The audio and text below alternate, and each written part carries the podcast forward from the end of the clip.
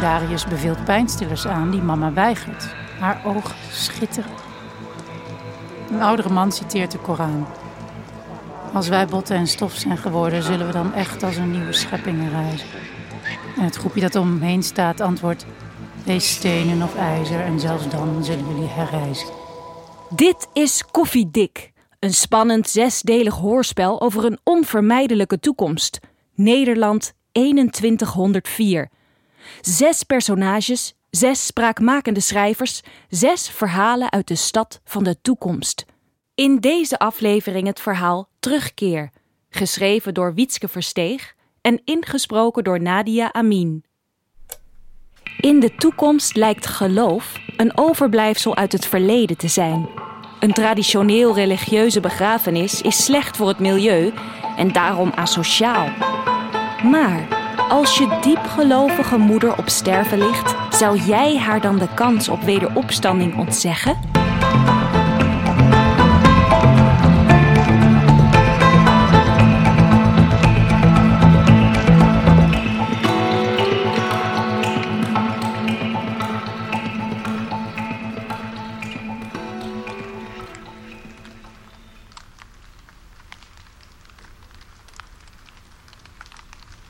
Sterven hoeft niet zo egocentrisch te gaan, zegt Olivier.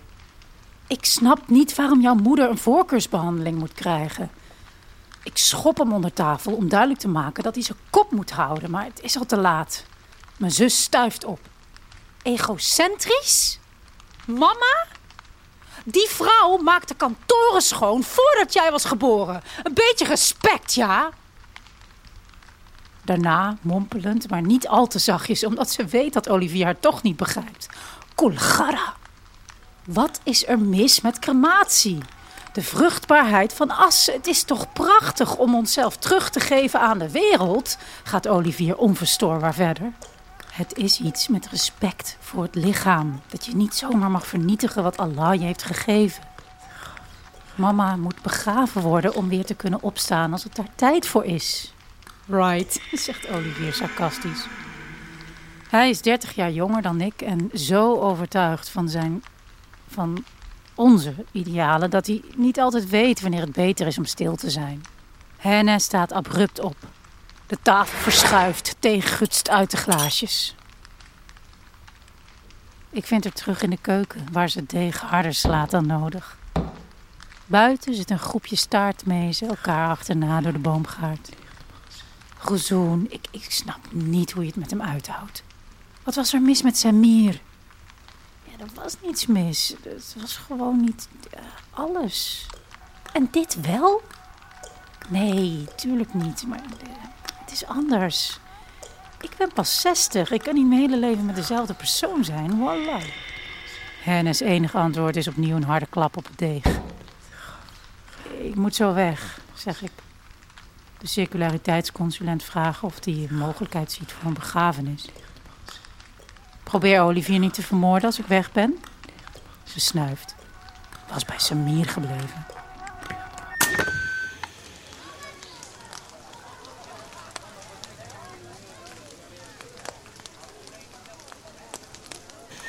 De stad omhelst me zodra ik de deur achter me sluit. Kinderen rennen voorbij, ruziend over de regels van een of ander spel. Een oude dame laat haar varken uit onder de schaduw van de woontorens. In een boomgaard zijn mensen bezig met bestuiven. Een leeuwerik vliegt steil omhoog boven een weiland waar ik langs fiets. Laat zich in een glijvlucht weer vallen en ik stel me voor hoe het zou zijn om dat lichaam te hebben. Om zo licht te zijn dat de wind je kan dragen.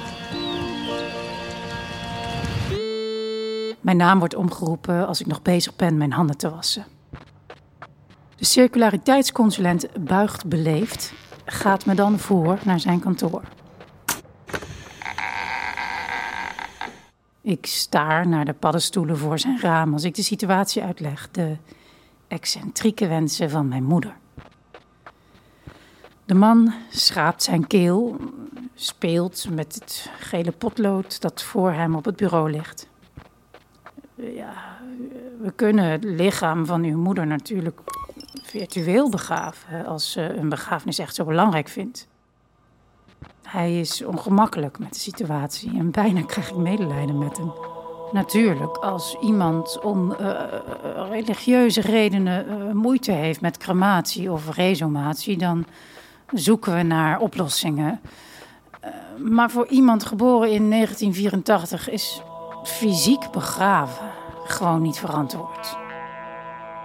Wie weet wat er uit haar lichaam zijpelt en dan terecht komt in het water dat we drinken, waar de vissen leven. Al die antibiotica, de, de hormonen uit die tijd, de, de microplastics in haar lichaam. Vlees dat de wormen zullen eten, die dan weer door de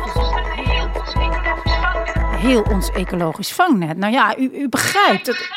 Opnieuw het schrapen van die keel. Moet een zenuwtik zijn. Mijn moeder, zeg ik, heeft de grote ramp overleefd. Verdient dat geen respect? Hij trekt een wenkbrauw op. Ja, dat verbaast me niets, zegt hij. Dat is iets van die oude generatie, die gehechtheid aan het lichaam, alsof het eigen sterven ertoe doet. Die wil om te regeren over het graf heen. Het is uh, natuurlijk wel zo dat uw moeder na haar dood niet meer door heeft wat er gebeurt. Dus in principe is er niets dat u belet. Hij maakt zijn zin niet af. Voor de tweede keer die dag ben ik blij dat ik een ruimte kan verlaten. Ik had gehoopt mama dicht bij ons te kunnen houden. Ze houdt van die boomgaard. Heeft elke herfst emmers hoogstamfruit geoogst. Totdat we te bang waren dat ze van de ladder af zou vallen, een heup zou breken. Tussen de perenbomen zou geen slechte plek geweest zijn om te liggen. En dan zouden we haar dicht bij ons hebben. Terwijl zij langzaam steeds meer met hun wortels zou vergroeien. Maar het antwoord van de circulariteitsconsulent was duidelijk genoeg. Er is geen kans dat we haar hier kunnen begraven. Ik zou in beroep kunnen gaan, zijn expertise in twijfel trekken op de volgende vergadering, maar het is onwaarschijnlijk dat ik voldoende medestanders vind. Hoe dan ook, komt die vergadering te laat. Ik, ik weet niet hoeveel tijd er nu nog is, hoe lang mama het nog volhoudt. Buiten check ik Darius voor een update en zie dat mama rustig ligt te slapen. Het gebedsnoer in haar linkerhand. Nu ze haar terugkeer nadert, lijkt haar gezicht jonger dan vroeger. De groeven in haar voorhoofd zijn nog even diep. De wallen onder haar ogen niet minder, maar haar trekken zijn meer ontspannen nu, alsof ze blij is dat ze bijna mag opgeven. Ik kan me nog niet toe zetten om naar huis te gaan. Maak een omweg door het centrale moeras waar een groep kraanvogels zich heeft verzameld en laten libellen zich op mijn spaken te pletten vliegen. Achteraf begrijp ik niet hoe we er zomaar vanuit zijn gegaan dat ze zoals bijna iedereen zou kiezen voor resumatie. Misschien was het domweg gewoonte, want ze nam altijd genoegen met dat wat er toevallig overbleef nadat ze alles aan ons had gegeven. Ze leefde om haar kinderen een beter leven te geven. Maakte kantoren schoon, zodat ze arts, bankier, advocaat konden worden. Maar haar kinderen, de bankier, de arts, de advocaat, verloren in de ramp. Toen wij geboren werden, klein wonder, want mama was al 60, gaf ze opnieuw alles voor ons. Alleen de carrières waarop ze aanstuurde waren veranderd. Wij moesten zeewierboer worden, zoals hen, of ecoloog, zoals ik. Maar hoewel ze nog steeds alles gaf voor ons succes, stonden we ver weg van haar wereld. Ze luisterde trots naar onze verhalen, maar vroeg niets. Als ik haar probeerde iets uit te leggen over de mechanismen achter soundscape ecology, schudde mama al snel haar hoofd. Ik heb zulke knappe kinderen, alhamdulillah. Ik ben een domme vrouw, maar ik heb knappe kinderen. Ik heb zulke knappe kinderen. Ze praatte nooit over onze broer en zussen, maar als ze dacht dat ze alleen was, prevelde ze hun namen voor zich uit. Hm. Soms vraag ik me af of ze opgelucht is om de aarde te verlaten en zich te voegen bij haar andere kinderen, degene die niet van hun geloof zijn afgedwaald. Soms besef ik plotseling dat ik nu ouder ben dan toen zij alles verloor.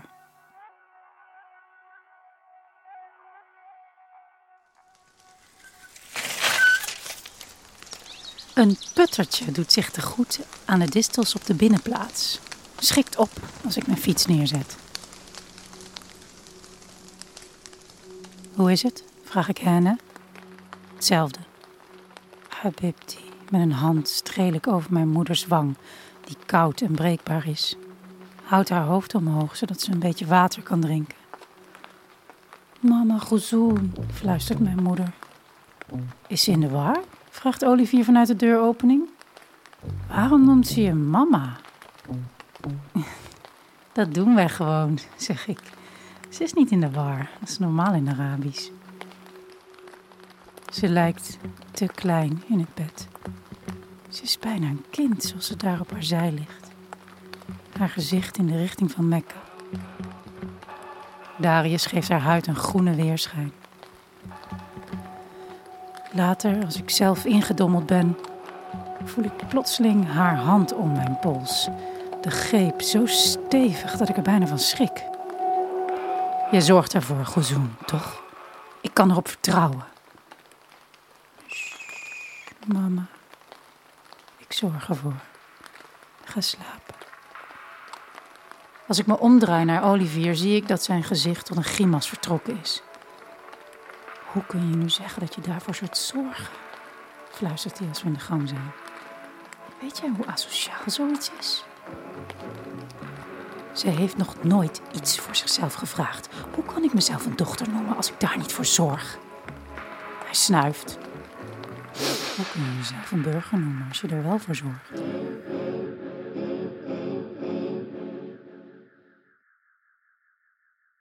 Ze had het plotseling gezegd, bijna terloops. Als ik doodga, wil ik worden begraven. Doe niet zo gek, mama. Je gaat niet dood. Je bent nog zo gezond. Het zou me echt niet verbazen als je 160 wordt. 160?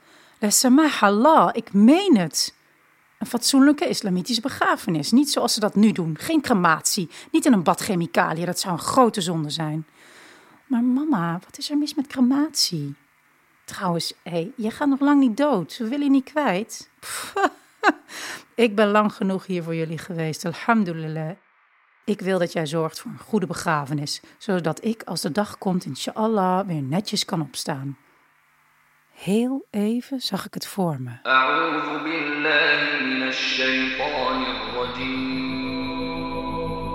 Hoe ze haar hijab zou haar schikken.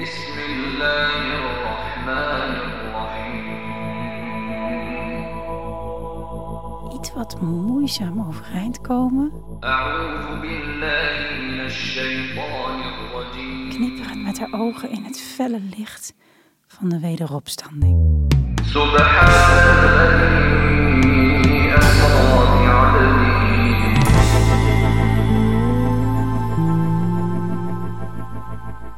Maar ik dacht niet graag aan haar dood en dus vergat ik wat ze me gevraagd had. Ik had het te druk met mijn eigen leven. Nu is het te laat. Ik pluk sla en kersttomaatjes voor haar in de tuin. Ze slaapt als ik het bordje bij haar neerzet. Ze keert steeds verder in zichzelf terug. Haar huid is bleek en perkamentachtig. Op de stoel naast het bed is Henne bezig sokken te stoppen. Wat denk jij? vraag ik. Zouden we haar nog kunnen overtuigen? Vraag jij dat serieus? Het geloof is het belangrijkste in haar leven. Trouwens, ze was nooit echt hier. Het is waar. Onze geboorte was een wonder, maar niet genoeg om mijn moeder over het verlies van haar eerdere kinderen heen te helpen. Ook al probeerde ze het, ook al was het haar plicht als gelovige. Het, het was een prachtige nieuwe wereld waarin wij geboren werden, maar niet één waarin zij zich thuis voelde. De regenboogvlag wapperde prominent, maar voor het bescheiden zwart dat mijn moeder droeg was er geen ruimte meer. Niemand begreep haar afkeer van wat God niet had goedgekeurd. Of haar wens om dat soort zondigheid in elk geval niet overal te hoeven zien. De meeste mensen, mensen zoals Olivier, de circulariteitsconsulent, als we pech hebben ook nog het stadsbestuur, zien haar geloof als een overblijfsel uit het verleden. Iets wat mama om onbegrijpelijke redenen nog niet had afgeschud. Wat ze niet zien, ja, wat ik zelf niet eens begrijp, of, of, nou ja, niet, niet zoals ik het zou willen, niet, niet, niet goed genoeg om haar echt te kennen. De troost die mama vindt door zich over te geven aan iets groters dan zij, iets dat een leven lang al haar routines vormgegeven heeft en dat er ook nu aan het einde voor haar is. Mama's geloof is helder en absoluut genoeg om haar verdriet een vorm te kunnen geven. Zij was vastbesloten om door haar rouw een betere moslima te worden, haar religieuze studies te verdiepen, nog meer aan anderen te geven, nog beter te beseffen dat alles wat we hebben slechts de leen is van Allah.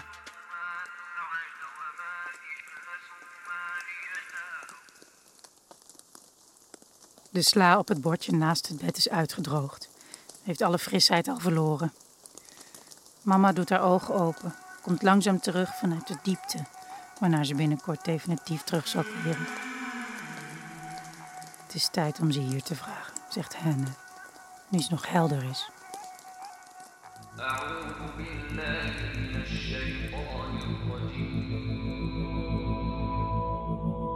In de uren daarna loopt het appartementje vol met mama's medegelovigen. Het nieuws moet zich als een lopend vuur hebben verspreid. De bel blijft gaan. Mensen die ik nog nooit heb gezien staan verwachtingsvol op de drempel.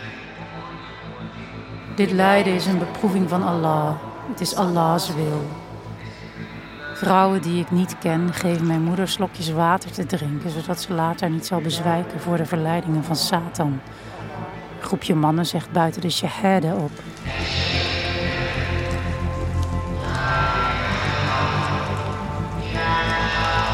Darius beveelt pijnstillers aan die mama weigert. Haar ogen schitteren. Een oudere man citeert de Koran. Als wij botten en stof zijn geworden, zullen we dan echt als een nieuwe scheppingen reizen. En het groepje dat om hem heen staat antwoordt: Wees stenen of ijzer en zelfs dan zullen jullie herreizen. Wanneer ik bij mama's bed zit, vraagt ze waarom ik steeds wegloop. Waarom blijf ik niet bij haar? Zus haar. Ik beloof dat ik niet weg zal gaan. Ik zeg dat het geregeld is wanneer ze daarnaar vraagt. Maar het bestuur heeft gestemd. Het weigert unaniem een uitzondering te maken. Het zou een precedent scheppen. Ik vraag me af of er sluipwegen zijn, of er illegale begrafenissen bestaan, of, of ik de imam zoiets kan vragen. De tijd dringt, het zal nu niet lang meer duren. Mama is gerust.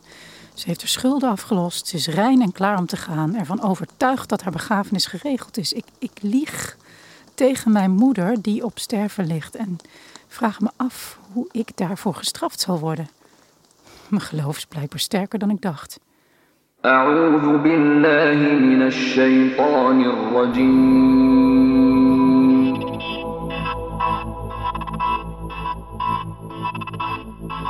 بسم الله الرحمن الرحيم.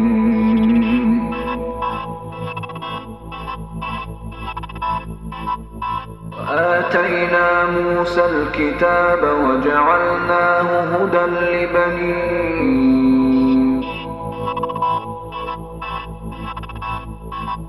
بسم الله الرحمن الرحيم. سبحان الذي أسرى بعبده ليلا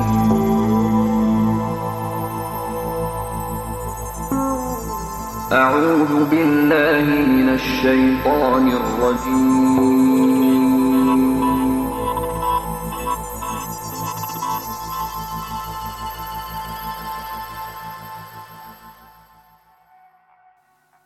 Olivier slaat een arm om me heen, blijft bij me terwijl ik bel met mensen die maar niet begrijpen wat ik vraag. Hun stemmen klinken beleefd, maar afkeurend. Hun antwoord is steeds hetzelfde. Waarom zou je een lijk, en, en nog wel zo'n lijk, vol met plastic en medicijnen, waarom zou je met zo'n giftig lijk de goede grond willen besmetten? De goede grond.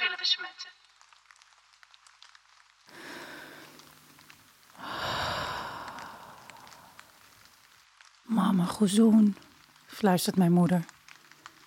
Zo sprak ze me aan toen ik een kind was. En nu als de moeder die ik door haar ziekte geworden ben. Haar ademhaling is nu traag en haperend.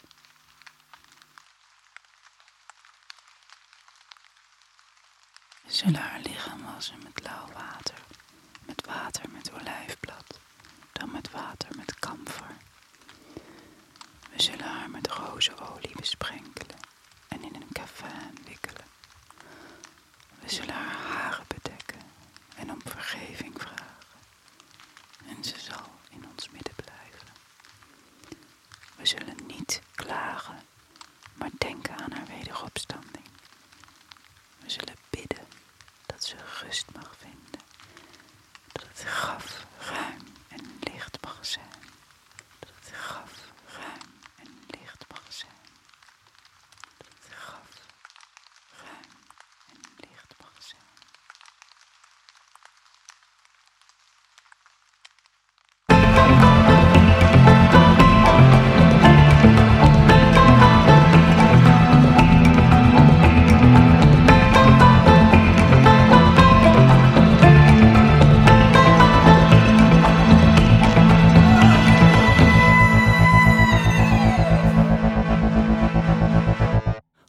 Koffiedik, een concept van Sun City, powered by Unusual.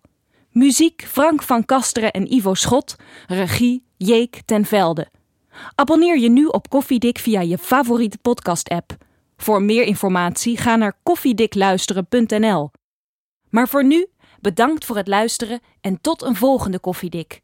Koffiedik, niet kijken, maar luisteren.